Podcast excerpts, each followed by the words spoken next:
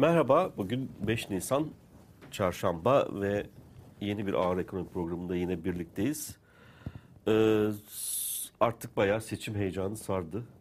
Biraz on meseleleri de konuşacağız ama önce seçim ekonomisi, işte verilen sözler var, havada uçuşan e, iki taraftan da onların e, hakkında düşündüklerini söyleyeceğiz. Bu arada tabii bir de enflasyon açıklandı. Enflasyonda benim yani önce TÜFE'nin %50.5 olduğunu yıllık bazda söyleyelim. E, bu bir kere çok ciddi bir fark oluştu artık. Yani burada e, TÜİK'in bu enflasyon ölçümüne e, hiç kimsenin güvenmesinin imkanı kalmadı bence. Çünkü İTO ile fark %50'ye ulaştı. Yani TÜİK 50 civarında açıklıyor, İTO 70'ler civarında açıklıyor. Aradaki fark 50. Ee, bizim hissettiğimiz enflasyon, çarşı pazarda dolaşan insanların hissettiği enflasyon çok daha yüksek. Ee, biraz detaylara indiğin zaman da çok garip e, bazı şeyler görüyorsun. Mesela çocuk giyimi, bebek giyimi falan da yanılmıyorsam o madde grubunda ne kadar olmuş enflasyon, yıllık enflasyon? Yüzde iki. Öyle mi? Bir yılda yüzde iki artmış yani. Çoluk çocuğun masrafları Bir açısından. yılda. Evet evet. Ee, çoluk çocuğun masrafları açısından herhalde avantajlı bir durumda hissediyorsundur kendini diye düşünüyorum. Ee, o yüzden buralarda açıklanamayan yani bu mal hareketlerine baktığınız zaman açıklanması gerçekten çok e, imkanı bulamadı. Yani imkansız olan bazı e, durumlar da var.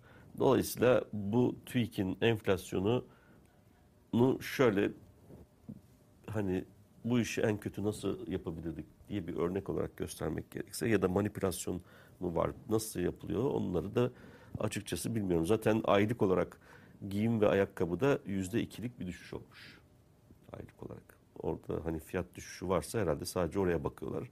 Çünkü Sayın Merkez Bankası Başkanı da şey dedi ya enflasyonu kontrol altına aldık artık tamam bak düşüyor düşüyor falan gibi e, bir açıklamalar yaptı. E, eğitimde büyük bir artış var. Tabii ki gıda ortalamanın epeyce üstünde. Yüzde 3.84'lük bir artış. Yani neredeyse dörtlük bir artış. Ki bunun da e, hissettiğimiz fiyat artışlarının yanında çok hafif kaldığını e, söylememiz gerekiyor. E, bu artıştan işin kötü tarafı bu artışların e, devam edeceğine dair de güçlü bir kanaat var hemen hemen herkeste. Gıdada. Tabii tabii gıdada. Şundan kaynaklanıyor. Şimdi bir geçenlerde tekrar e, dile getirmiştim.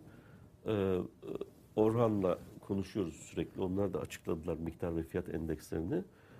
E, mesela orada oranın Antalya'nın manşet ürünü domateste e, büyük bir artış var. Yani bu artışın da öyle tarla domatesi çıktığında azalacağını düşünmüyor. Çünkü hale giren miktar çok düşük diyor. Bu e, son zaman yani en son yapılan hal düzen ve halleri de düzenleyen ama genel olarak piyasayı düzenleyen yasal çerçeve e, ortadan kaldırılmadıkça e, çok mümkün gözükmüyor bunun önüne Yani geçmek. soğan, soğansız menemeni yiyebiliriz. Yiyebiliriz. Hani o tartışma O- ama domatessiz mümkün Menemen değil. o zaman sadece yumurta kalıyor ki yumurta da çok problem Allah. bir ürün. Dolayısıyla ortada menemen kavramının kendisinden vazgeçmemizi gerektiren Caner'e de Ee, buradan bir- selamlar.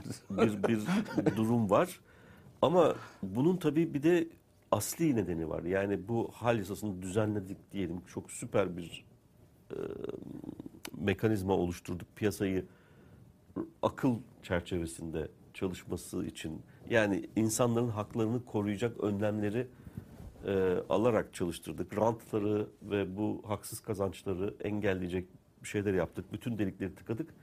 Yine problemimiz çok büyük.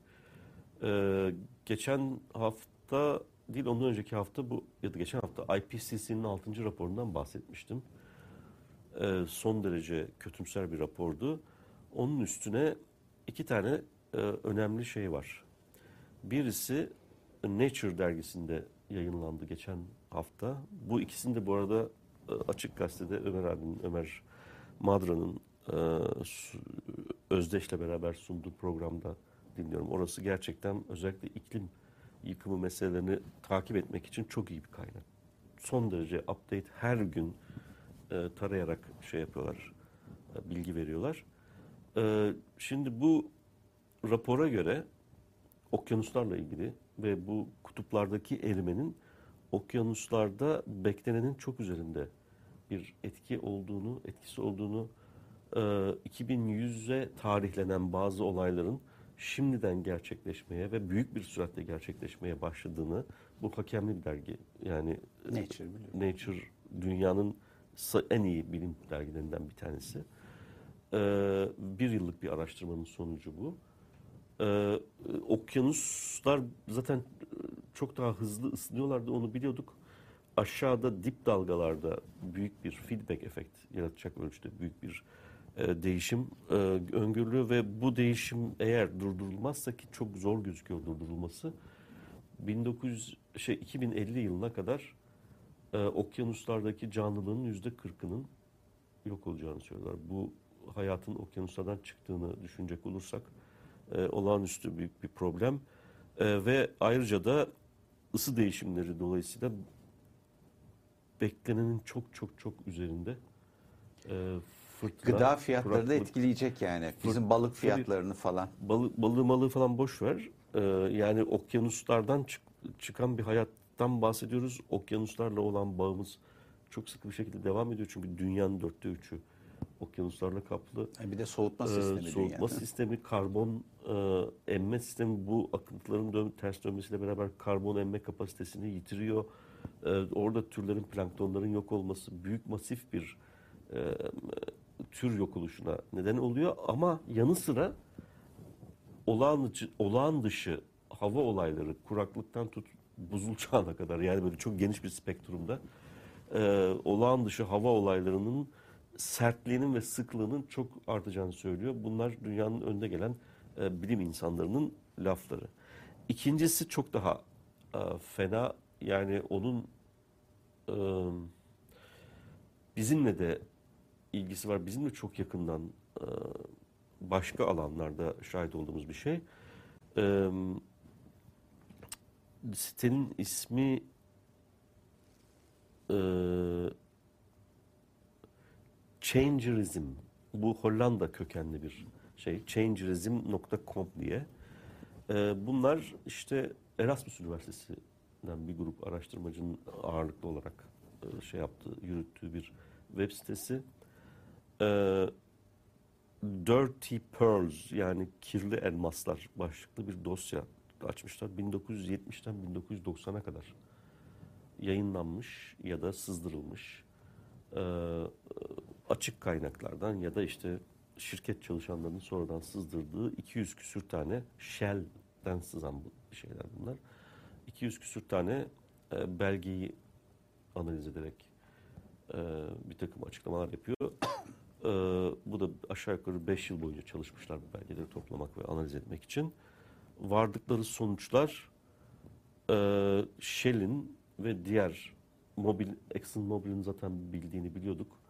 E, Shell'in de e, o kadar hassas bilimsel çalışmalar yaptırmışlar ki 1970'lerin başında eğer o tempoda fosil yakıt yani yaşadığımız tempoda fosil yakıt kullanımı e, ve piyasada bunların faaliyeti devam edecek olursa 450 ppm'e kadar e, varacağını e, karbonun e, 1970'lerin başında tespit etmişler. Pek çok çalışmada tespit etmişler. Bir kısmı ortak çalışmalar, bir kısmı şey. Ve ne oluyor? Sonunda gözlerini kapayıp e, para kazanmak için dünyanın bugün karşı karşıya kaldığı yok oluş, altıncı büyük yok oluşun hazırlanması. Dolayısıyla burada e, iki tane mesele çok ciddi olarak gerçekten masanın üstünde tartışılması gereken mesele. Bugün tartışalım diye söylemiyorum. Seçimden sonraya muhtemelen ancak tartışabiliriz. E, kapitalizmin hep bu işte ahlaki sorumluluk falan filan diye e, geçer ama bunun sınırlarını çok aşan bu kar güdüsünün e, ve sınır tanımaz hırsın e, artık kapitalizmin kendisine içkin bir durum olduğunu ve bunun insanlığı bugün e, yok oluşla, diğer bütün ekosistemin parçalarıyla birlikte yok oluşla yüzleştirdiğini, karşı karşıya getirdiğini söyleyebiliriz. E, yine Chris Hedges'ın da e, tespiti var. 1970'lerden sonra özellikle bu neoliberal e, saldırının başlamasıyla birlikte 1970'te Amerika'da e, bir yüz, ilk en zengin yüzde bir toplam yüzde 24'e sahipmiş servetlerin bugün bu 35-36'yı geçmiş durumda. Yanılmıyorsam çok daha fazla.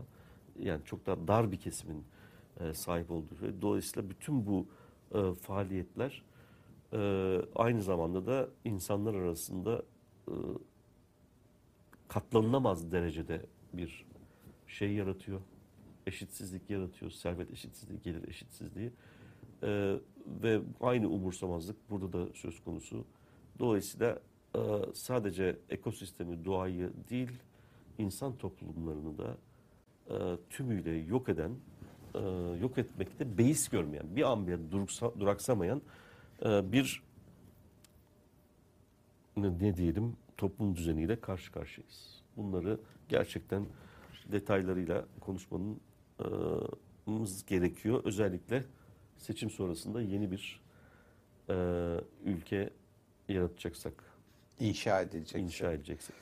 Ee, bir iki bir şey de ben söylemek Tabii. isterim e, bu enflasyon meselesinde. Aslında çok fazla değişen bir şey yok. Her ne Yok, kadar evet. Sayın Bakan televizyon kanallarına çıkıp e, dana eti ile e, kuzu eti arasındaki vatandaşın yapmış olduğu tercihlerin bu enflasyona neden olduğundan bahsediyor olsa bile ya da ima ediyor olsa bile e, değil mi? Yani Evet. kuzu etinin daha ucuz olduğunu falan ifade ediyor. E, Yes. e, enflasyondaki yapısal problemler devam ediyor. Yıllık, yıllıklandırılmış detaya baktığınız zaman e, konut, e, gıda, gıda başta geliyor. En yüksek e, enflasyon oranı, ortalamanın üzerinde enflasyon e, oranı olan e, şey gıda fiyatları. Dolayısıyla bahsettiğin e, hususlar bu gıda fiyatlarının giderek daha çok e, problem teşkil edeceği, na- sadece bizim için değil, bütün dünya için problem teşkil edeceğinin e, bir göstergesi. Dolayısıyla bu yapısal bir problem yani parasal e, bir takım politikalarla, hokus pokuslarla halledilebilecek bir şey değil. Burada yapısal bir kırılma var ve yeni bir kırılma biz e, tersi yönde e, gerçekleştirmeden, çevresel şartları değiştirmeden bu, e, bu konuyu halledemeyeceğiz. Bu e, dünya e, üzerinde bir insanlık e, problemi. E, onun dışında ülkemizde de e, benzer bir durum var. Geçen hafta zaten e, haftalarda da çok konuştuk. E, Türkiye'de bir tarım politikası yok. Yok. Yani e, sen bu konuların çok daha içindesin, yakından takip ediyorsun. E, tarım politikası e, olmayınca da bunu finanse edecek bir bankaya da ihtiyaç yok. E, banka ne yapsın? Kurulmuş bir kere. Elde de e, hani e, kalmış e, Ziraat Bankası. O yüzden buna alternatif bir iş alanı e, yaratmışlar. Bunu da geçen hafta biz Sayın Evet, Can bu arada yeri gelmişken ben bir yanlış e, rakam telaffuz ettiğim için izleyicilerden özür diliyorum. 17 milyar dolar değil 17 milyar lira e, gen- Sayın Genel Müdürün açıkladığı. E, o da beni yanıltan bir haber sitesi oldu. Teyit etmeden tek kaynaktan yapmanın da çok sakıncalı olduğunu böylece yaşamış olduk. E, ama yani e, genel e, çerçeveyi değiştiren bir husus, Husus değil. değil, evet. E, sonuçta Nedir? Manyetütü biraz azaltıyor sadece. Şiddetini Evet, azaltıyor. e, yani e, e, dolayısıyla e, Sayın e, Bakan, e, Sayın e, Vekilin, e, değil mi Vekil hala Sayın Canikli, e, o ifade ettiği, e, o kamuoyuyla paylaştığı fikirlerinin aslında bir e, tarımda politikasızlığın itirafından başka, bir Başka şey bir şey değil, olmadığını gördük. E, geçen hafta da konuştuk. Dolayısıyla bugün onun yansımalarını gıda fiyatlarına görürüz. Ancak bir başka problem daha var o rakamlarda dikkat edersen. E, onlardan biri de konut fiyatları. Yani Evet. kira ve evle ilgili değil mi? Evin e, gündelik harcamalarının e, teşkil eden unsurlarla ilgili harcamalar. Onlarda da e, hala e, yükseklik var. Bunlar zaten kamuoyunun e, gündelik hayatında rastladığı bir şey. Özellikle konut fiyatlarında aylık düzeyde bir yavaşlama var. Ortalamanın altında bir yavaşlama var. 1.90'lar seviyesine aylık e, kir- e, artışlar. Çünkü e, ama yıllıkta hala e, büyük bir e, artış söz konusu. E, bu bunun da belki yavaşlamanın e, sebebi de artık bu kiralık bu fiyatlarla kiralık konut elde edebilmenin ya da e, sa- e, e, talep edebilmenin imkanı kalmadığı için e, bir talep yönlü bir eksiklik söz konusu olduğu için piyasada e, yavaşlama e, görülebilir ve onun fiyatlara etkisi olabilir. Buradan hemen konuyu bağlamak istiyorum. Bir başka hususa seçimlerle ilgili olarak konu e, kira fiyatları ve gayrimenkul fiyatlarıyla ülkedeki gelirlerin gelirlerin ve tasarrufların bağı kopmuştur.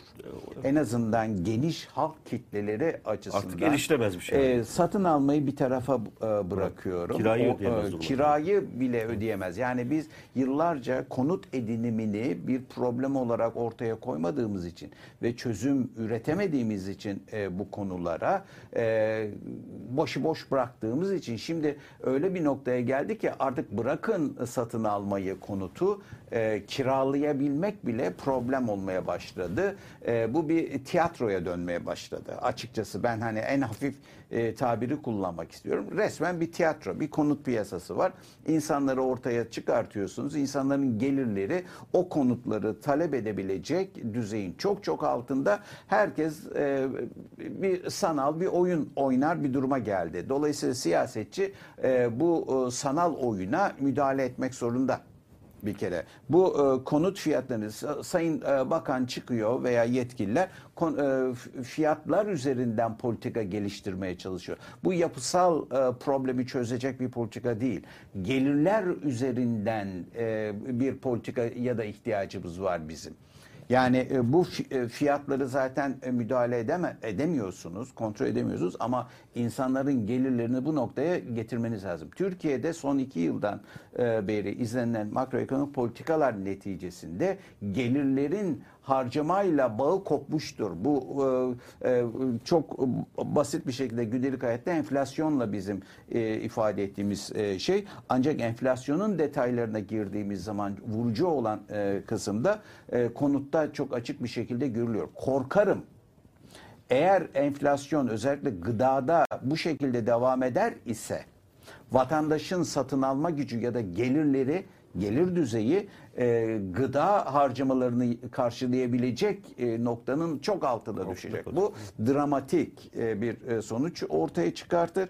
Vatandaş açısından e, bu kabul edilebilir bir şey değildir. Yani insanlar e, marka aramıyorlar giymek için ya da e, ne bileyim işte marka a- araba aramıyorlar e, veya marka bir şey aramıyorlar. Yani lüks dediğimiz e, harcamalar için gelir talep Hayatta etmiyorlar. kalmaya çalışıyorlar. Hayatta kalabilmelerini sağlayabilecek temel gıdalara erişim e, erişim erişimlerini sağlayabilecek geliri talep ediyorlar. Bu bir problemdir. Türkiye ekonomisinin ana problemlerinden birisi budur. Enflasyon evet problemdir ama bu enflasyon bir kere oldu bitti. Bu fiyatların nominal düzeyde aşağı düşmesi söz konusu değil.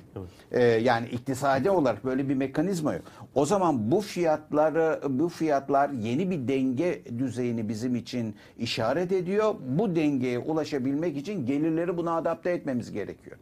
Dolayısıyla Türkiye'nin ciddi bir gelirler politikasına ihtiyacı vardır ve e, sevinerek de görüyorum. Açıkçası bazı arkadaşlarımız belki eleştirilebilir geçmişin alışkanlıklarıyla. Sayın e, Kılıçdaroğlu'nun e, son e, açıklamaları e, kamuoyuna yansıyan açıklamaları emekli maaşları üzerinden e, yapılan bir takım vaatler ve emekli maaşlarının askeri ücret seviyesi yani bir ülkedeki temel e, en e, minimum ücret seviyesine e, geti, e, getirmeyi Çekilmesi. çekilmesini vaat ediyor olmasını böyle bir gelirler makro düzeydeki genel bir gelirler politikasının bir unsuru olarak görmek istiyorum ve görüyorum. Dolayısıyla bunu e, kendi içerisine hapsederek, e, kendi yani etki alanı içerisine hapsederek e, bunu eleştirmek ve bunun karşısına da efendim işte e, Kılıçdaroğlu bunun e, kaynağını nereden bulacakmış? diyerek çıkmak bana çok demode bir e, tepki olarak e, geliyor. Bu 1980'lerin Türkiye'sinde belki 90'larda o kamunun e, pop, e, pop, e, har vur parmağın savurduğu kaynaklara har vur parmağın savurduğu dönemlerde e, ve redüs, e, yeniden dağıtımın hız kazanmış olduğu dönemlerde belki e, mümkün olabilirdi. Ama bugün artık bu argümanları kullanamıyoruz. Neden? Çünkü 20 yıllık AKP iktidarı bir yeniden dönüşüm, yeniden e, bölüşüm e, e, mekanizması ve politikaları izlemiş ve belli bir sınıfı, belli bir grubu zengin etmek ve onların sermaye birikimini e, e, imkan sağlayabilmek için bütün politikaları dizayn etmiştir. Şimdi Sayın Kılıçdaroğlu da diyor ki ben yeni bir yeniden dağıtım mekanizması kuracağım. Bu dağıtım mekanizmasının e, ana unsuru beşli çete olarak tabir ettiği o imtiyazlı sınıfın gelirlerini arttırmak değil. Bunun aksine daha geniş halk kitlelerinin düşük gelir grubu içerisinde yer alan farklı kesimlerinin gelirlerini arttırabilmek. Bu da bir e, yeniden dağıtım mekanizması. Vatandaş bunlar arasında tercih yapmak zorundadır. 14 Mayıs'taki tercih de bununla ilgilidir. Ya yeniden yani ülkenin mevcut kaynaklarını siz e, belli e, imtiyazlı kişilere yeniden dağıtılmasının e, önünü açan bir siyasi anlayışı tercih edeceksiniz ya da e, geniş halk kitlelerinin bu kaynakları geniş halk kitlelerinin hizmetine sunabilecek onların gelirlerinin ve satın alma güçlerinin artmasına imkan sağlayabilecek bir bölüşüm politikasını e, destekleyen ve bunu vaat eden bir anlayışı tercih edeceksiniz. Olay bu kadar e, e, basit aslına bakarsanız. Dolayısıyla böyle koyduğunuz zaman e, emekliye şu kadar para vermiş, buna bu kadar para vermiş e, argümanı e, bence e, anlamsız e, oluyor. Ve hatta bunu eleştirirken kaynaklar nerede, buna kaynak nerede bulacak demek de doğru değil. Neden? Çünkü buradaki tercih yeniden bölüşümün e, kimin lehine yapıla, e, yapılacağıyla ilgili. Dolayısıyla e, ve çok net e, bu. Dolayısıyla böyle bir e, bölüşümü ve e, paylaşımı ortaya koyduğunuz zaman vatandaş açısından e, yapılması gereken tercih de çok e, açık. Ya e, 3-5 tane e, şirketi, müteahhiti zengin edeceksiniz ki hala bu devam ediyor. Mesela bugün öğrendiğime e, göre e, bir marif e, e, marif e, koleji mi var ya da marif koleji var da e, ulus şey e, 1 milyar e, liraya yakın e, bir kaynağın aktarıldığı e, değil mi? Daha Özel bir okul var yani. e, o- okul değil de e, muharif e, okulları mı yurt dışı operasyonlar için e, kullanılan hani e, bir fon aktarılma söz konusu. Yani siz buraya e, yani para aktarabilecek durumda mısınız? Yani Türkiye'nin bugünkü e, koşullarını, bugünkü kısıtlarını ve kaynak yetersizliklerini düşündüğünüz zaman deprem bölgesindeki e, ad- devletin içine düştüğü acziyeti düşündüğünüz zaman e, siz oraya e, kaynak bulamadı yapı işte bağış kampanyalarını e, e, bağış kampanyaları e, e, düzenliyorsunuz ama öteki taraftan devletin Marif kaynak Vakfı. Ha? Marif Vakfı. işte Marif e, Vakfı yurt dışındaki eğitim e, Türkiye'nin Evet, eğitim 1.8 faal- milyar lira. Ha? 1.8 milyar lira resmi gazete yayınlamış. E, 2 milyar e, liralık bir e, parayı siz oraya aktarabiliyorsunuz bir çırpada. Hem de seçimler yapılırken. Yani böyle dönemde bu tip e, harcamaları değil, acil olarak gerekli harcamaları yapmak lazım. Deprem bölgesine bu harcamaların yönlendirilmesi lazım. Öyle değil mi? Üstelik O- denetlenmeyen bir vakıf olduğu da söylenen bir sürü haber görüyorum burada. Ee, yani onları kamuoyu bunları e, tartışacaktır önümüzdeki günlerde. Ben e, e, şeyden e, gördüm. E, Bingöl e, bir vergi Ya, evet, evet. bir arkadaş e, sabah işte gazeteyi e, şey yaparken cep telefonuna gelen haberlerden e, e, gördüm. Dehşete düştüm. Yani bugünün problemi midir bu? Yani e, Marif Vakfı'na parayı 14'ünden sonra göndermemiz e, e, Neyse. bir şey mi e, şey yapacak? Bir mağduriyet mi yaratacak? Öteki tarafta 14 e, şey bir- 2 milyar e, lirayı e, deprem bölgesine acil olarak göndermemiz söz konusu. Şimdi bu bir tercihtir. Hani kaynak nerededir e, diye soranlara işte ortaya e, konulan e, ve tercih, e, tercih bu şekilde kaynakların bu şekilde kullanımını mı istiyorsunuz yoksa o 1.8'i bugün toplumun acil karşılanması, giderilmesi gereken alanlarına mı harcamasını istiyorsunuz? Buradan toplumsal olarak biz ne fayda elde ediyoruz? Ya da geciktirilmesi, ötelenmesi ne sakınca doğurabilir? Bu kadar büyük bir kaynağın oraya aktarılmasının. Dolayısıyla bugün e, siyasi e, manada, ekonomik konularda e, ortaya çıkan mesele, ortaya çıkan tartışma aslında bir tercihlerin karşılaştırılmasıdır. Toplumun ve siyasetçinin neyi tercih ettiğinin karşılaştırmasıdır. Eğer e, siz 5 müteahhiti yani simgesel olarak tercih ediyorsanız e, onların bu redüs, e, yeniden dağıtımdan pay alabilmesi için e, yolu e, kullanmadığınız yolları değil mi havaalanlarını, köprüleri, barajları yapmasını e, tercih edeceksiniz ve kaynakları onlara aktaracaksınız. E, yaptığınız tercih eğer oysa. Ama öteki taraftan da vatandaşın e, gelirini, e, vatandaşın satın alma gücünü ve dolayısıyla refahını arttıran, doğrudan refahını arttıran alanlarda kullanımını e, kullanımının önünü açacak bir anlayışı tercih edeceksiniz. Bu tabii ki e, bu e, bu tercihi vatandaşın karşısına Sayın Cumhurbaşkanı da Cumhurbaşkanımız da e, koyduğu takdirde durum değişmez. Yani e, bu, doğru bir şey yapmış olur. Ama maalesef benim gördüğüm kadarıyla iktidar cenahında sistematik olarak e, mal ilk gösterdiğim e, yönde bir tercih ön plana çıkıyor. Şimdi şöyle bir farklılık var. E, Bağlam da önemli burada. Yani bu emeklilere yönelik bir e, ne bileyim Sayın Cumhurbaşkanı açıkladı işte 7500 lira getirdim ben dedi en düşük maaşı. E, Ama orada şöyle bir şey var. E, O maaşı 7500 liraya yükselenlerin gerçek maaşı uygulanacak olan artış oranlarıyla e, 7500 lira olana kadar bir zam yapılmayacak. Yani aradaki farkı kapatıyor sürekli. Dolayısıyla ötekiler devam ettiğinde aslında bugünkü e, durum bundan Değişmiyor. iki yıl sonra tekrar ortaya çıkmış olacak. Hele enflasyon bir de devam ederse. Devam ettiğinde. Dolayısıyla e, burada e, bir, bir, bir yönü var temel farklılık olarak. İkincisi şimdi e, Kılıçdaroğlu'nun önerdiği emeklilik düzenlemesi tek başına bir şey değil. Değil mi? Bir büyük bir bütünün, bütünsel önerilerin bir parçası. Ne oluyor bu bütünsel öneriler? Bir kere enflasyonla mücadele edeceğiz ve yapısal sorunlara yapısal çözümler getireceğiz deniyor. Bunları tartışabiliriz. Doğru katılırız, katılmayız. Doğrusu var, yanlışı var, eksiği var. Neyse olabilir. Ama bir böyle bir e, bütünsel bakış açısı var. İki, senin bahsettiğin gibi e, bu anti enflasyonist düzenleme bizim şimdiye kadar alışık olduğumuz şekilde gerçekleşmeyecek.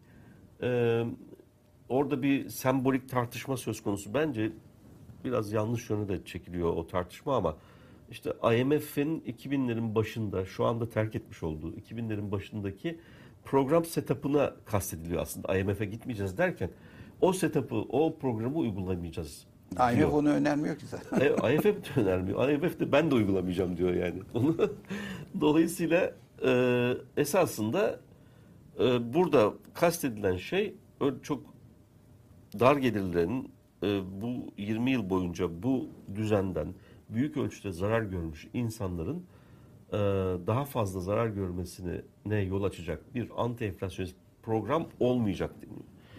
İki, bir orta ve uzun vadeli hedef var. Orta ve uzun vadeli hedefte ekonominin yapısını değiştirmekten bahsediyor. Değil mi? Nedir? Daha verimlilik esaslı teknolojinin e, teknolojiye dayalı, teknolojik ürün üretmeye dayalı. Dolayısıyla ihracat potansiyeli daha yüksek olan, katma değerli ihracat potansiyeli daha yüksek olan ki tarımın içinde de var bunlar. E, bunları teşvik edeceğiz diyor. Ve bunu söylerken de deniyor ki e, bugüne kadar Türkiye'de gerçekten tarımdan tutun e, sanayiye kadar, hizmet sektörüne kadar olağanüstü büyük teşvik teşvikler dağıtılıyor. Ama bu teşviklerin nereye gittiği, ne amaçla yapıldığı, niye böyle bir teşvik sistemi uygulandığı belli değil.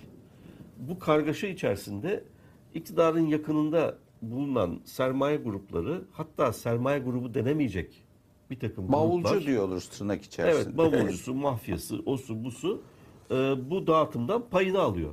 Dolayısıyla kamunun e, zar zor oluşturduğu kaynakların e, son derece kötü tercih demeyeceğim. e, kamunun kaynaklarının yağmalandığını söyleyebiliriz. Yani en hafif deyimiyle. Bunun bir tür örgütlü dolandırıcılık olduğunu e, söylemek de mümkün aslında. Bazı durumlarda Bazı öyle. durumlarda. Ee, çünkü oradaki faaliyet işin konunu, konusunu oluşturuyor. Faaliyetin geliştirilmesi o sektörün bilmem ne yapılması falan değil. Tamamen konusu tıpkı bu işte havaalanlarında, e, otoyollarda, şehir hastanelerinde karşılaştığımız durum. Para transferine bahane olsun diye evet, proje bir konu olması gibi. lazım. O konu oldu. Ee, hatta biz zaman zaman burada diyorduk ya parayı doğrudan transfer edin. Çünkü o konu bir de geri düzeltmek için ekstra masraf yapmamızı gerektiren artı çoğu yerde de doğaya büyük zararlar veren ve e, yan etkileri itibariyle de e, hesapladığın zaman misliyle iş yapar. O yüzden hakikaten e, Metaverse diye bir böyle bir sanal dünya da var. Oradan kullanarak parayı doğrudan transfer edin. Doğaya dokunmayın, ona dokunmayın, buna dokunmayın diye dem, Parayı kaybederiz. Hiç Evet. olmazsa e, Evet, hiç çevreyi olmazsa- kazanırız. Evet hiç olmazsa o, or- orada bir ekstra zarar çıkmaz diye Doğru. e, bahsediyorduk.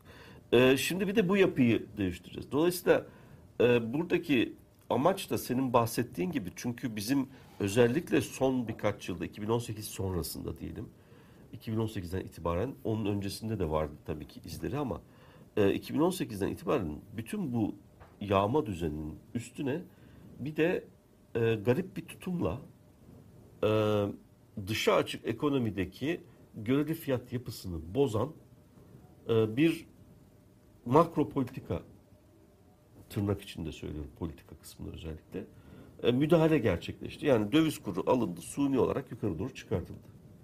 Yok NAS'tı yok bilmem neydi falan filan gibi söylemler. Ama bu bilinçli olarak yapıldı. İşte Çin modeli, Türkiye modeli.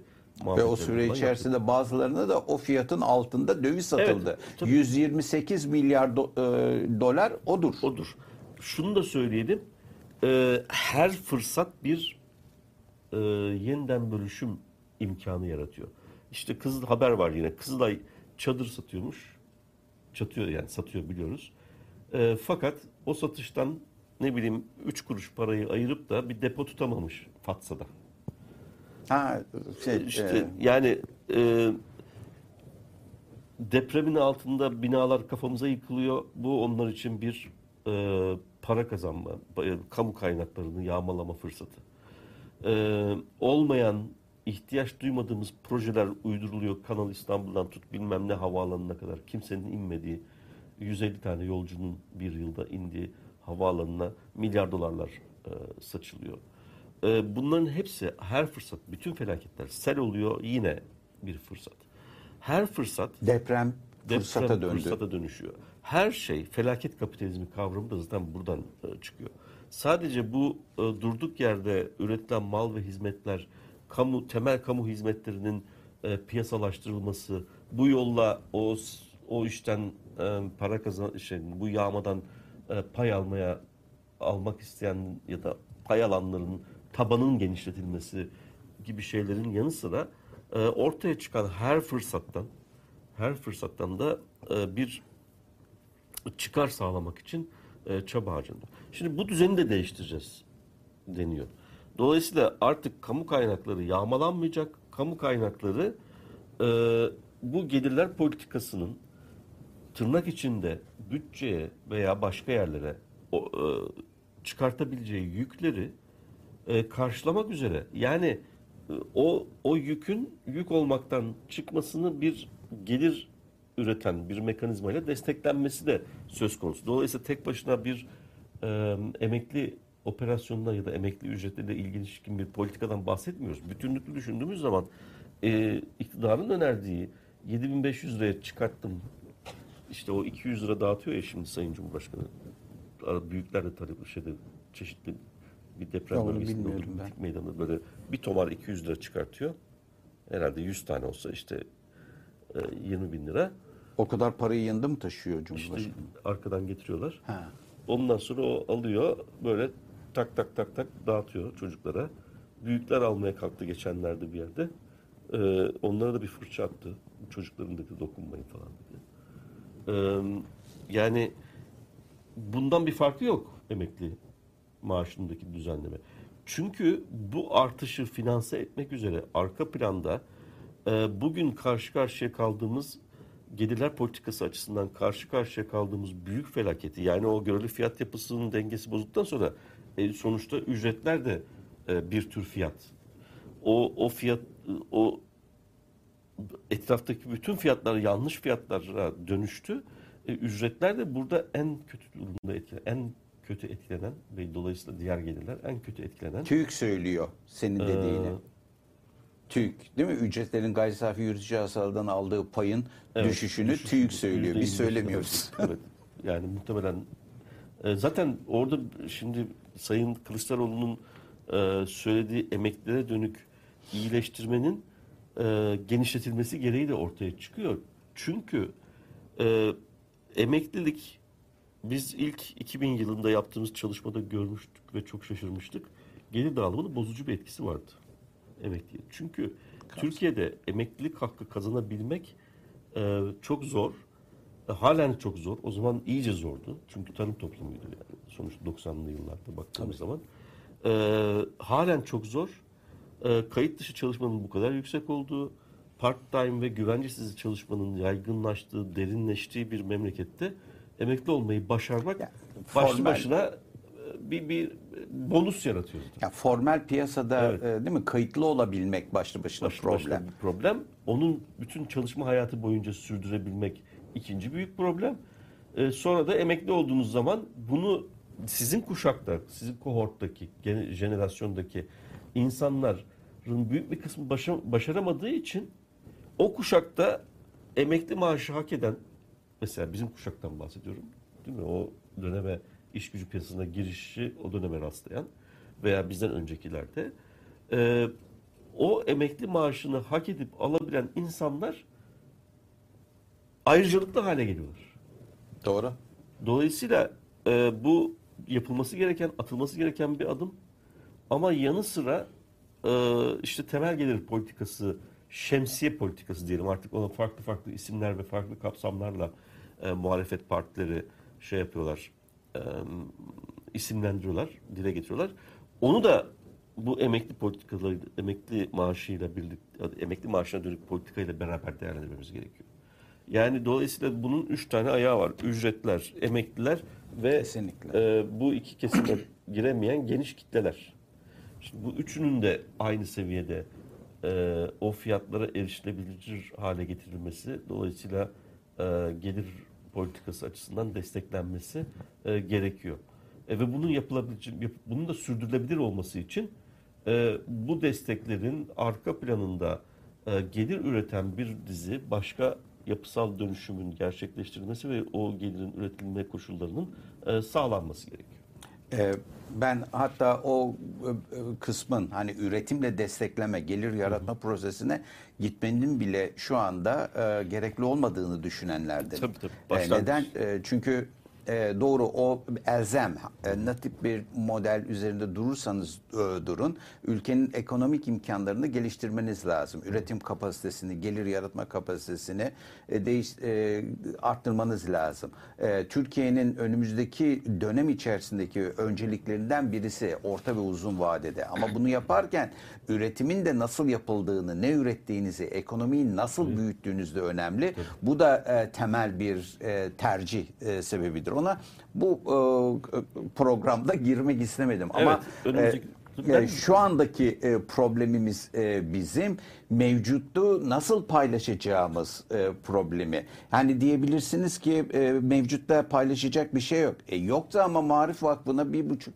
e, iki milyar e, e, dolar para e, ayrılmış. Veya ne 1.8 bileyim e, deprem bölgesinde hiç de şeffaf olmayan şekillerde adrese teslim ihaleler verilebiliyor. Veya e, başka e, ihalelerde hız kesmeden devam, Devam ediyor. ediyor. E, demek ki burada bir tercih e, söz konusu. 70 Ve, milyar dolarlık Kanal İstanbul yine hortladı. evet Şimdi yani artık yüze yapılabilir ancak. E, e, bilemiyorum yani e, bunu yapmak istiyorsa demek ki ortada bir para var, bir finansman var. Ben e, bu e, mevcut yani geliri veri alarak kısa vadede e, ki Sayın Kılıçdaroğlu'nun e, şeyleri de e, kısa vadelik Evet, en kısa fazla vadeli, orta vadeli, uzun vadeli hedefler. E, ama uzun vadeli e, şeyi ise e, hedefleri ise daha kapsamlı ve e, daha sistematik ve devlete mal ederek e, bu da önemli. Yani siyasete değil ama devlete e, mal ederek e, e, hayata geçirmek lazım. Bir kalkınma stratejisi olarak nasıl kalkınacağım, nasıl gelir üreteceğim, hangi iktisadi faaliyetlerle ben gelir üretmeyi tercih ediyorum. Bunu da toplum karar verecek. Toplum eğer inşaat istiyorsa bütün boğaz e, boğazın üzerine betonu dökeriz. Değil mi? E, Karadeniz'e betonu dökeriz e, bir şekilde hani inşaata e, güç verir ya da ne bileyim Türkiye'yi ortadan ikiye böler yeni bir e, değil mi Sinop'tan Adana'ya kadar e, kanal açarız ya da boğaz açarız. Yani e, bunların hepsi mümkün. Bunu siz e, tercih edin e, yeter ki. Dolayısıyla ya böyle bir üretim modeli ve gelir yaratma hani derler ya Keynesgiler için askerde e, çukuru kazdır sonra kapattır falan ama ortada e, şey iktisadi hacim yaratmış olursun. E, ama Boşa e, çalışmış olur. Boşa Kastak boşa döner. Evet. Yani ya böyle e, yaparsınız ya da ekonomi içerisinde e, dünya e, ekonomisine bir değer katarsınız. Dünyada tercih edilebilen bir ürün e, elde edersiniz ya da e, üretirsiniz ve bu ürünü nakde, paraya, dövize e, çevirebilirsiniz. Bu sizin elinizde bir şey ve bu konuda da vatandaşın e, eli şu anda serbest. E, dolayısıyla iyi niyetle e, düşünmesi lazım. Ama bir de e, bununla birlikte e, kısa vadedeki tercihlerimiz de önemli. O, onu o vurgu ona vurgu yapmaya çalışıyorum ve somut bir şekilde ifade etmeye çalışıyorum. Vatandaşın şu andaki gelir düzeyi ve ülkedeki izlenilen gelirler politikası, ücret politikasından tut da transfer politikalarına kadar bu düzeydeki bir kirayda barınma ihtiyacını gidermesine yetmiyor. Bunu şimdilik görmemez e, görmezden gelebilirsiniz. Ama iki gün sonra kiranın yanına, konutun yanına gıda da gelecek. Ve bu insanlar bu gıda harcamalarını bu gelirleriyle yapamaz duruma gelecekler. İnsanlık insanlar e, aşamalı bir şekilde açlıkla karşı karşıya gel- e, gelecek. Onu ertelemeniz sizin mümkün değil. Çünkü bir öğünden sonra insanların ikinci öğüne de hazırlanması gerekecek. İkinci öğünde doldurmanız gerekecek. Bu çok hızlı karar verilmesi ve çözülmesi gereken e, bir e, süreçtir. E, ya insanların gelirlerini siz bunları finanse edebilecek duruma getireceksiniz. Yani gelirleri mevcut fiyat düzeyine uyumlandıracaksınız. Yani iktisat makro model öyle diyor. Yani o fiyatı aşağı çekemeyeceğinize göre, e, o fiyat e, arzı arttıramayacağınıza göre Değil mi? Kısa dönemde arz eğrisini kaydırmanız mümkün, değil. O zaman bunu yapabilmeniz vatandaşın bu fiyat seviyelerinden satın alma gücünü arttırmak. Bunun için de e, yeni bir gelirler politikası şey yapmak, emeğin hakkını vermek. Emeğin hakkı dediğimiz e, şey de aslında insanların belli bir tüketim e, düzeyini, bir tüketim sepetini finanse edebilecek e, kadar gelire erişebilmelerini sağlamaktır. Emeğin hakkı e, budur. Yani karnını doyurabilmek, barınabilmek, örtünebilmek e, ve çoluğuna çocuğuna işte e, bir gelecek sunabilmek. Bunların e, kuralı bellidir. Bunu yapamaz durumdaysa o zaman siz gelirler politikanızı gözden geçirmek e, zorundasınız ve Türkiye artık o noktaya gelmiştir. Artık e, birikimin e, bu şekilde e, mevcut şekliyle birikim politikalarına dur deme zamanıdır. Birikim de olmuyor aslında o.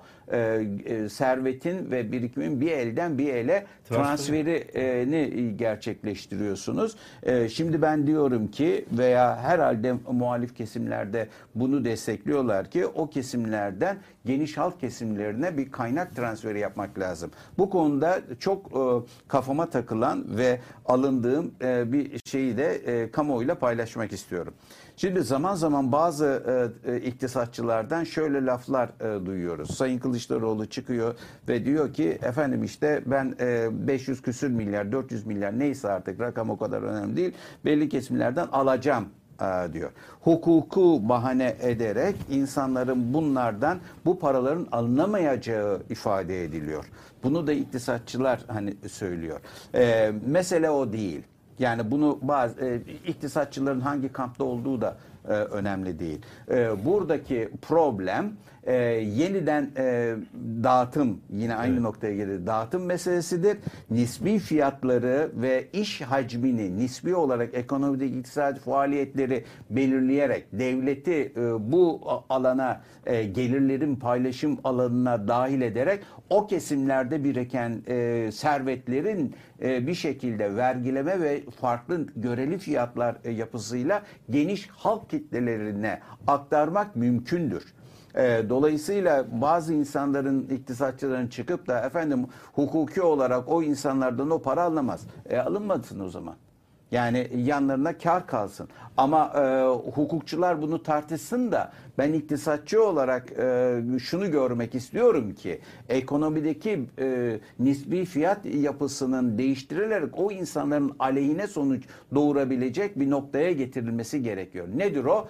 Ücret politikasının değil mi ücretlerin yine e, 2000'ler öncesi ya da 2000'lerin başında olduğu gibi milli gelirden daha fazla pay alabilir duruma getirilmesi lazım. Bunun için ne yapılması gerekiyor?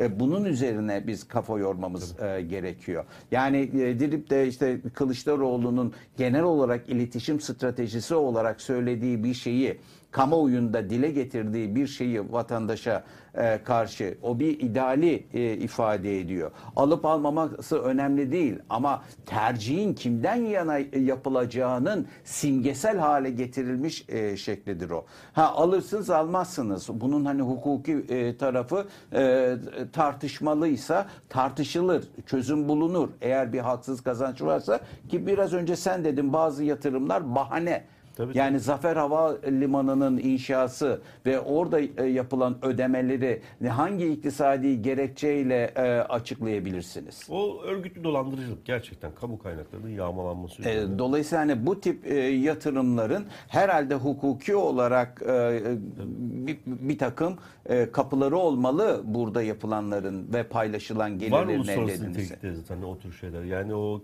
e, kirli borç temelinde yapılan tartışmalar aslında bu ve iştihat da var bu konuda. E, hazineyi borçlandırmışlar. Borçlandırmış.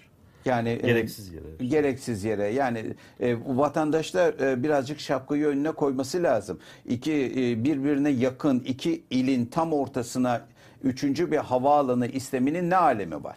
Ben İstanbul'da bir uçtan bir uca e, iki havaalanı var. Saatlerce gidiyorum.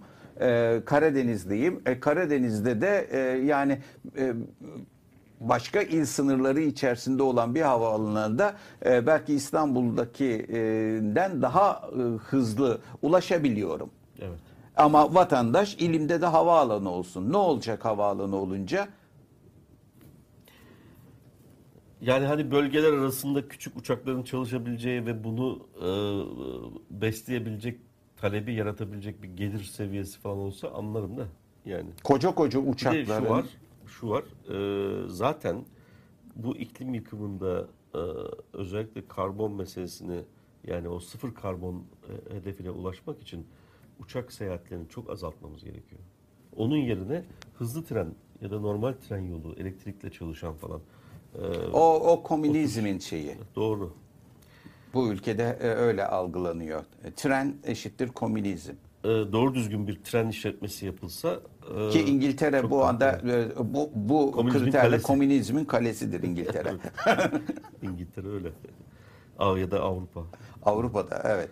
Ee, dolayısıyla bütün bu tercihleri falan yeniden e, düzenleyecek. Or- kısa, orta, uzun vadede bu mesele yap. Şimdi bir son olarak o, vaktimizde kalmadı ama geç başlamak zorunda kaldığımız için bu uzayan yayın seçim dolayısıyla e, bir seçim meselesine de gelelim diye düşünüyorum. Şu e, ittifaklar ve liste meselesi. Aa, o çok e, önemli. O konuda Evet. söz sende hocam. Şimdi şöyle, e, bundan bir buçuk yıl önce falan konuştuk, konuştuk diye hatırlıyorum. Aslında bizim şey meselesi olunca hatta e, aday profilini falan konuşulurken daha ortada böyle bu tartışmalar varken e, madem bu başkanlık rejimini tasfiye edeceğiz ve yeniden parlamenter rejime geri döneceğiz. Bir, bir tür kurucu meclis olması gerekir ve bu kurucu meclisin toplumdaki bütün sesleri yansıtabilecek çeşitliliğe sahip olması gerekir ve e, özellikle de meclisin e, tekrardan fiilen önce güçlendirilip bu tartışmalarda meclisin rolünün e, tekrardan ağırlık kazanmasını sağlayacak şekilde de liderlerin burada yer alması gerekir diye konuşuyorduk değil mi? O zaman Evet. bir kurucu meclis olsa da işte şu işleri yapacak falan seçimi bu da dönüştürsek diye düşünüyorduk. Fakat işler öyle gelişmedi maalesef. Şimdi artık önümüzde e, Brezilya seçimlerindeki gibi bir durum var. Etrafta çeşitli suretlerde karşımıza çıkan cehennem zebanileri var. İşte e, başına evi yıkılmış depremde insanların e, en kırılgan hallerinde bütün ihtiyaçlarından nasıl para kazanırım diye düşünen zebaniler. İşte video çekip muhaliflerin kafasını keseceğim diyen zebaniler.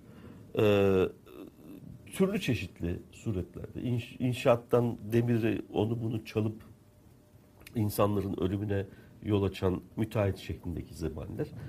Ee, ve bütün bunları aslında bir e, örgütleyen ve cis, kendi şahsında ya da kendi kurum kurumsal e, bütünlüğü içerisinde cisimleştirilmiş bir iktidar var. Bu zebaniler nereden geliyor? Cehennemden geliyor. Dolayısıyla bizim artık bu aşamada yapabileceğimiz tek şey var. O cehennemin kapısını kapatalım. Bir kere kapatalım ki akım dursun. Önce bunlarla bir e, ne yapacağız, ne edeceğiz onu bir kar- şey yapalım, karar verelim. Dolayısıyla o Brezilya seçimindeki slogan bize de çok uygun. Tesadüf değil. Çünkü Brezilya'nın seçimi bizim seçimimizdi. Bizim seçimimiz Brezilya'nın seçimi. Bu küresel ölçekte ortaya çıkan bir büyük Kesin. çatışma. Ee, bu çatışmanın sonucu da insanlığın ekosistemle birlikte var olup olamayacağını belirleyecek ölçüde de önemli bir çatışma. Şimdi burada e, bu 20 yıl boyunca kökleşmiş e, iktidarı seçim yoluyla gönderirsek bu bütün küresel ölçekte bizim yanımızda mücadele eden, bizim gibi düşünen insanlar için de çok önemli bir siyasi adım olacak. Bunun bir kere altını çizmek istiyorum. Bir- birinci hedefimiz o zaman bu cehennemin kapısını kapatmak, Brezilya'daki sloganda olduğu gibi. Ee, bunun sayısız şey etkisi olacaktır. Şimdi durum bu hale geldiyse, yani tek bir hedef, baskın bir hedef haline geldiyse, o zaman e, buradaki siyasi aktörlerin de e, buna bu doğrultuda adım atması, bu doğrultuda siyaset geliştirmesi, siyaset yapması gerekiyor. Bu aslında e, toplumun seçmen tabanında net olarak gözüküyor zaten. Değil mi? İyi Parti olayında gördük bunu. İyi Parti e, bu ittifak artık bu tür ittifaklar oluştu. Tabii bir de bunu hayatı zorlaştırmak üzere iktidar e, güç kaybettiğini anlayınca seçim sisteminde ucube değişiklikler yaptı ve bu cehennemin kapısını kapatma meselesi e, çok rahat bir şekilde çeşitliliği de sağlayabilecekken önceki seçimdeki ittifak yasasıyla gidiyor olsaydık e, bu imkanı toplumun elinden aldı. Çünkü bunda zaten e, karşımızdaki iktidarın asli hedefi de o kapının açık tutulması. Şimdi o zaman yine çeşitliliği sağlamak için tedbir alınabilir. Bunun için çaba harcanabilir. Ama öncelikli hedefimiz, öncelikli değil artık tek baskın hedefimiz var. Baskın hedefimiz bu kapıyı kapatmak. Bu elbette ki Cumhurbaşkanlığı seçimi açısından önem taşıyor. Cumhurbaşkanlığı seçiminin kazanılması gerekiyor o kapının kapatılması için. Fakat ne yazık ki orada da e, bu memnuniyetsizler özellikle bu e, neofaşist enternasyonelin dayandığı e, zeminin e, sistemden memnuniyetsizlere içeren yani Fransa'da sarı, sarı yelekliler e, işte şeyde Amerika'da o ucube baskında gördüğümüz Teksas'tan fırlamış gibi insanlar. Bütün bunlar var. Türkiye'de de var. Bu memnuniyetsizler normalde kendi memnuniyetsizliklerinin kaynaklarının farkında olmayan dolayısıyla kazanılması zor bir şey. Bunlar dün başka bir partiyi öne çıkartmışlardı. Bugün başka bir partiyi öne çıkarttılar. Yarın başka bir. Yani bunlar yüzer gezer ve kaybolmayacak bir kitle. Ama bunların varlığı bizim işimizi zorlaştırıyor. Şimdi artık e, adayların profillerine ve e, oy alabilecek, siyaseten tahmin ettiğimiz oyları e, alabil, alabilme kapasitelerine bakacak olursak e, Cumhurbaşkanlığı seçiminin ikinci tura kalma ihtimali de var. Bunu e, bir siyasi karar alacaksak, bir mevzi yaratacaksak bunu da elimizin altında tutmamız gerekiyor. İkinci tura kalacaksa o zaman meclis seçimleri de çok önem taşıyor. Yani meclis seçiminde 360'ı hedefleyen muhalefet olarak e, muhalefette iki tane ittifak var. İktidarın da bir ittifakı var. E, 360'ı e, hedefleyen bir bunu mümkün olduğu kadar yüksek vekilli alarak bu hedefe yaklaşma veya bu hedefe ulaşmayı hedefleyen bir strateji olması gerekiyor. Şimdi o zaman bu ikisini birbirinden ayıramıyoruz artık maalesef. Başkanlık seçimi ve e, meclis seçimleri birbiriyle bütünleşmiş durumda. Şimdi burada türlü çeşitli sahiplerle bayrak göstereyim. Ondan sonra yüzde üçe ulaşayım. E, hazine yardımı alayım. Seçime girdi desinler. E, kendimi şöyle bir tartayım gibi Ya tartılacak seçimi bu ya. gibi fantazilerle e, oyalarsak o zaman bu hedefin uzağına düşeriz. Üstelik bunu yaparken ama benim arkamda çok rüzgar var. Bana oy veren zaten ittifaktaki ana partiye oy vermeyecek insanlar gibi argümanlarla süslemek de gerçekçi değil. Neden gerçekçi değil? Çünkü sonuç itibariyle o son vekillik, son vekillik yani millet şey zaten kutuplaşmış durumda memleket. Yani aşağı yukarı e, bir şey var, yapı var. İşte yüzde 40, 35, 40 ya da 40 civarı iktidar bloku var. 40, 45 civarı e, Millet İttifakı'nın oluşturduğu blok var. Geri kalan e, bir kısmı işte diğer iki adayın oylarını dışarıda bırakacaksak da e, geri kalan da Emek ve Özgürlük İttifakı var. Şimdi burada bu, bu bloklaşma içerisinde bana e, işte atıyorum HDP'den hoşlanmayan insanlar oy veriyor. Eğer ben bağımsız girmez YSP ile e, girersek o zaman onlar bize oy vermeyecekler. E, lafını bir incelememiz lazım. Şimdi o lafı incele, incelediğiniz zaman peki onlar nereden geliyorlar? Millet İttifakı'ndan geliyorlar. Peki bizim öncelikli baskın hedefimiz neydi? Kapıyı kapatmak. Yani bu arkadaşlar eğer Cumhur İttifakı'ndan gelmiyorlarsa ve biz Emek ve Özgürlük İttifakı'na oy vermeyeceklerse e gitsinler Millet İttifakı'na versinler. Bence bir sakıncası yok bu hedef açısından baktığımız zaman. Dolayısıyla bu argüman düşüyor zaten. Doğru. İki, şimdi bir vekillik İstanbul'da iki buçuk civarında bir oyla gerçekleşiyor. Anadolu'da bu oy oranı oran olarak artıyor. Ama iller bazında aşağı yukarı yapılan tahminlere, şuna buna e, sahadan gelen değerlendirmelere bakacak olursak, e, buralarda da böyle hakikaten yüzde birlik, bir buçukluk e, oynamalarla gerçekleşecek bu. Bu tam bir içinde bulunduğumuz seçim sistemi tam bir oyun teorisine dönüştü. E, dolayısıyla sıfır toplam var. Dolayısıyla bizim stratejiyi kurarken buna dikkat etmemiz gerekiyor. Yani biz yüzde, oyumuzu yüzde bir buçuk artırırsak bu yüzde bir buçukluk artış sonucunda elde edeceğimiz vekil nereden gelecek? Cumhur İttifakı'nın alacağı vekili biz alıyorsak bu bizim e, 260'a şey 360 hedefine bir ek gel- yaratacaktır. Eğer e, Millet İttifakı'nı alıyorsak yine iyidir. Ama e, sonuç itibariyle o 360 hedefi açısından önemsiz bir değişimdir. o zaman bu bir buçukluk şeyleri e, hassasiyeti ben işte e, vekil kaybettirmeyecek yerlerde e, tek listeye e, gireceğim. Bundan da çok eminim. Ama böyle bir durum olmayan bölgelerde de kendim gireceğim ve zaten bazı bunların bir kısmında zaten vekillikleri ben alacağım. Yine vekil kaybetmemiş olacağız. Ee, bazı durumlarda önemsiz zaten ben de tek başıma da girsem beraber de girsek vekil alamayacağız. Vekillik kazanamayacağız. Peki nereden bu kanıya varıyoruz? Yani bu hassas bir mühendislik hesabı değil mi? Bir, bir buçuk iki falan. E, sağ çalışma anketlerden. Peki Şimdi anketler için ben bir şey okuyacağım önce. Bu yani bu bu tartışmanın en fazla beni rahatsız eden kısmı bu. Daha önce 2-3 hafta önce pazar yazılarında yazmıştım. Emre e, Ekim'de yazmıştı.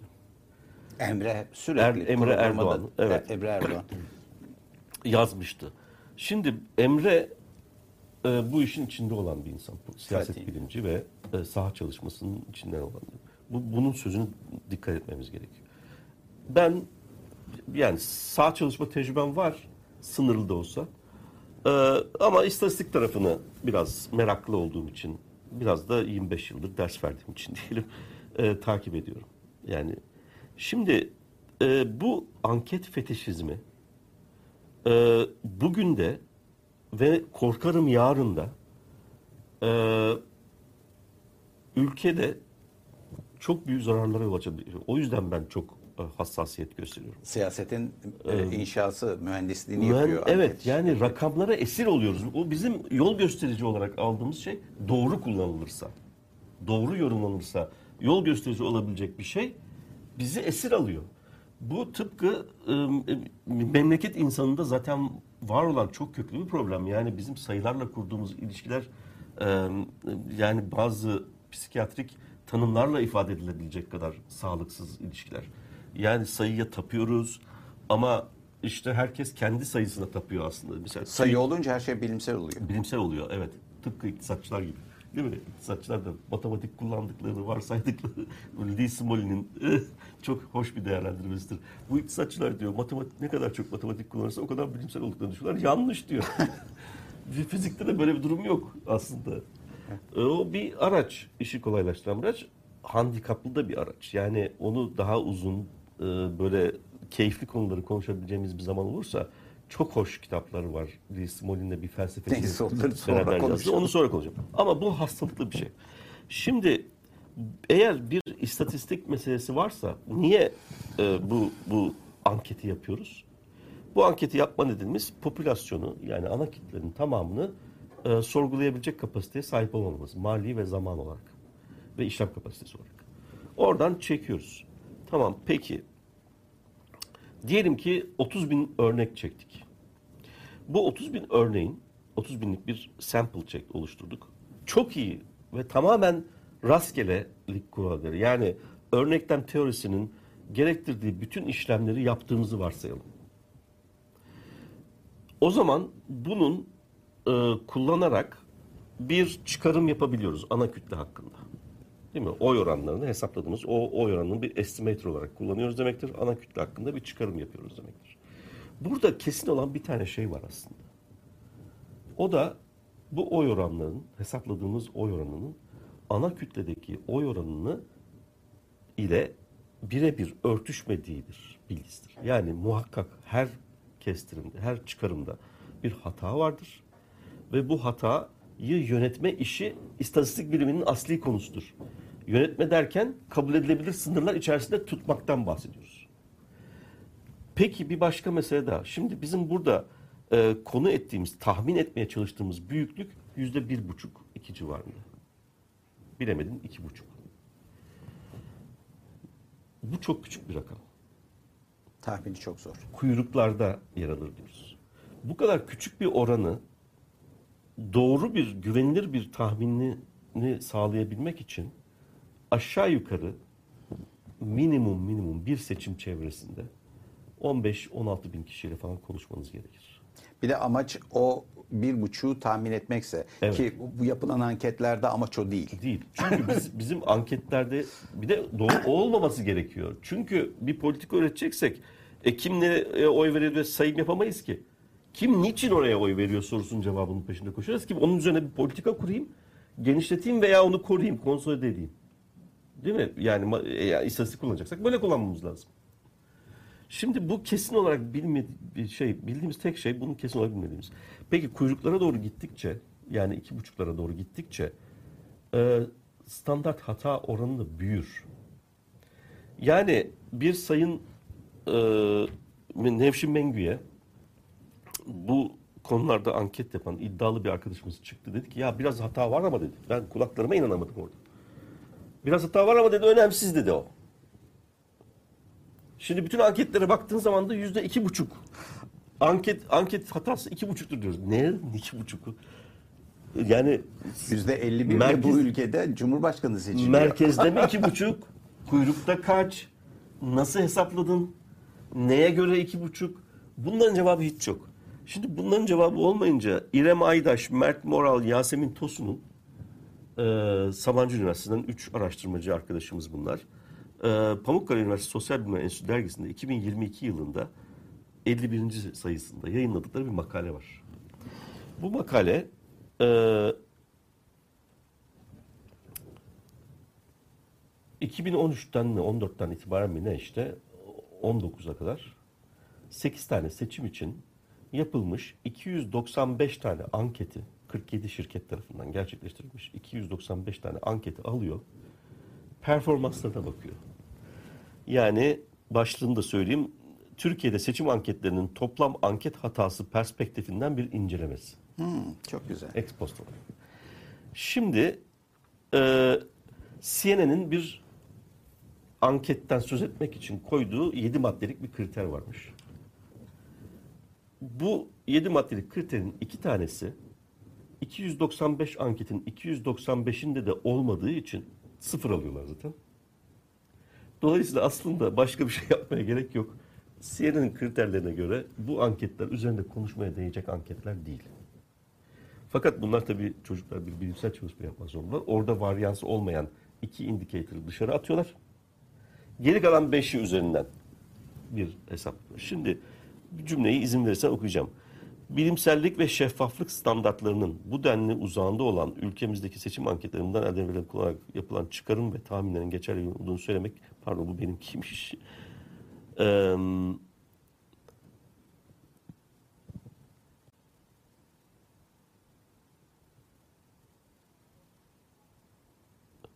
Ha, onların şey bilimsellik ve şeffaflık standartlarının bu denli uzağında olan ülkemizdeki seçim anketlerinin ve bunlardan elde edilen veriler kullanarak yapılan çıkarım ve tahminlerin geçerli ve güvenilir olduğunu söylemek pek mümkün değildir. Makalenin şeysi bu. Sonuç cümlesi. Yani sonuç paragrafındaki cümlelerden bir tanesi bu.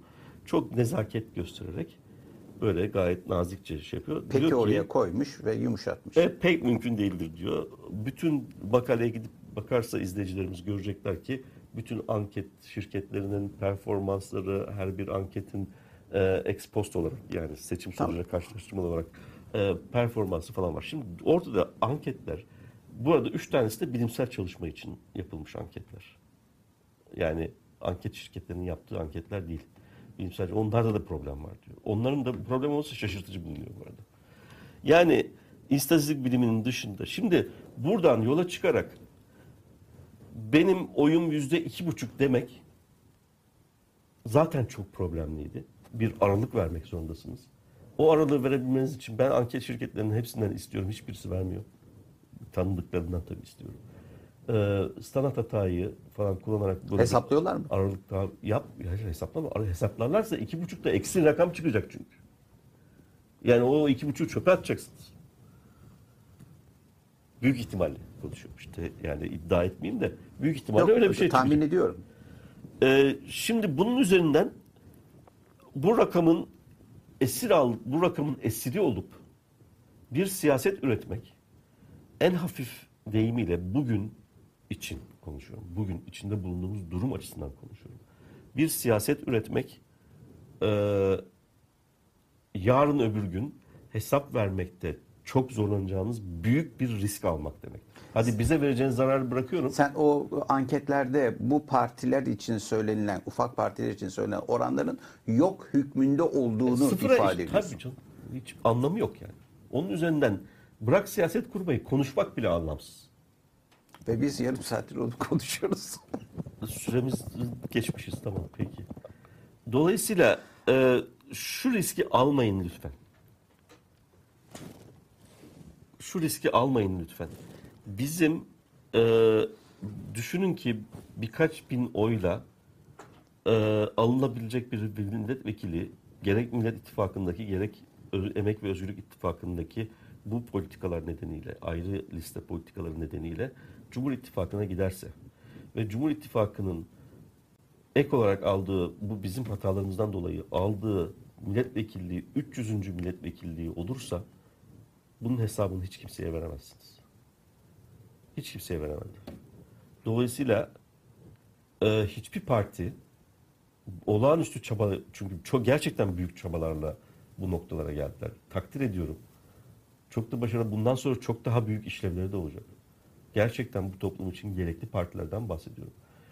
Ee, bunca çabayı bir tane nereden kaynaklandığını anlayamadığım bir e, çaba etrafında heba etmeyin.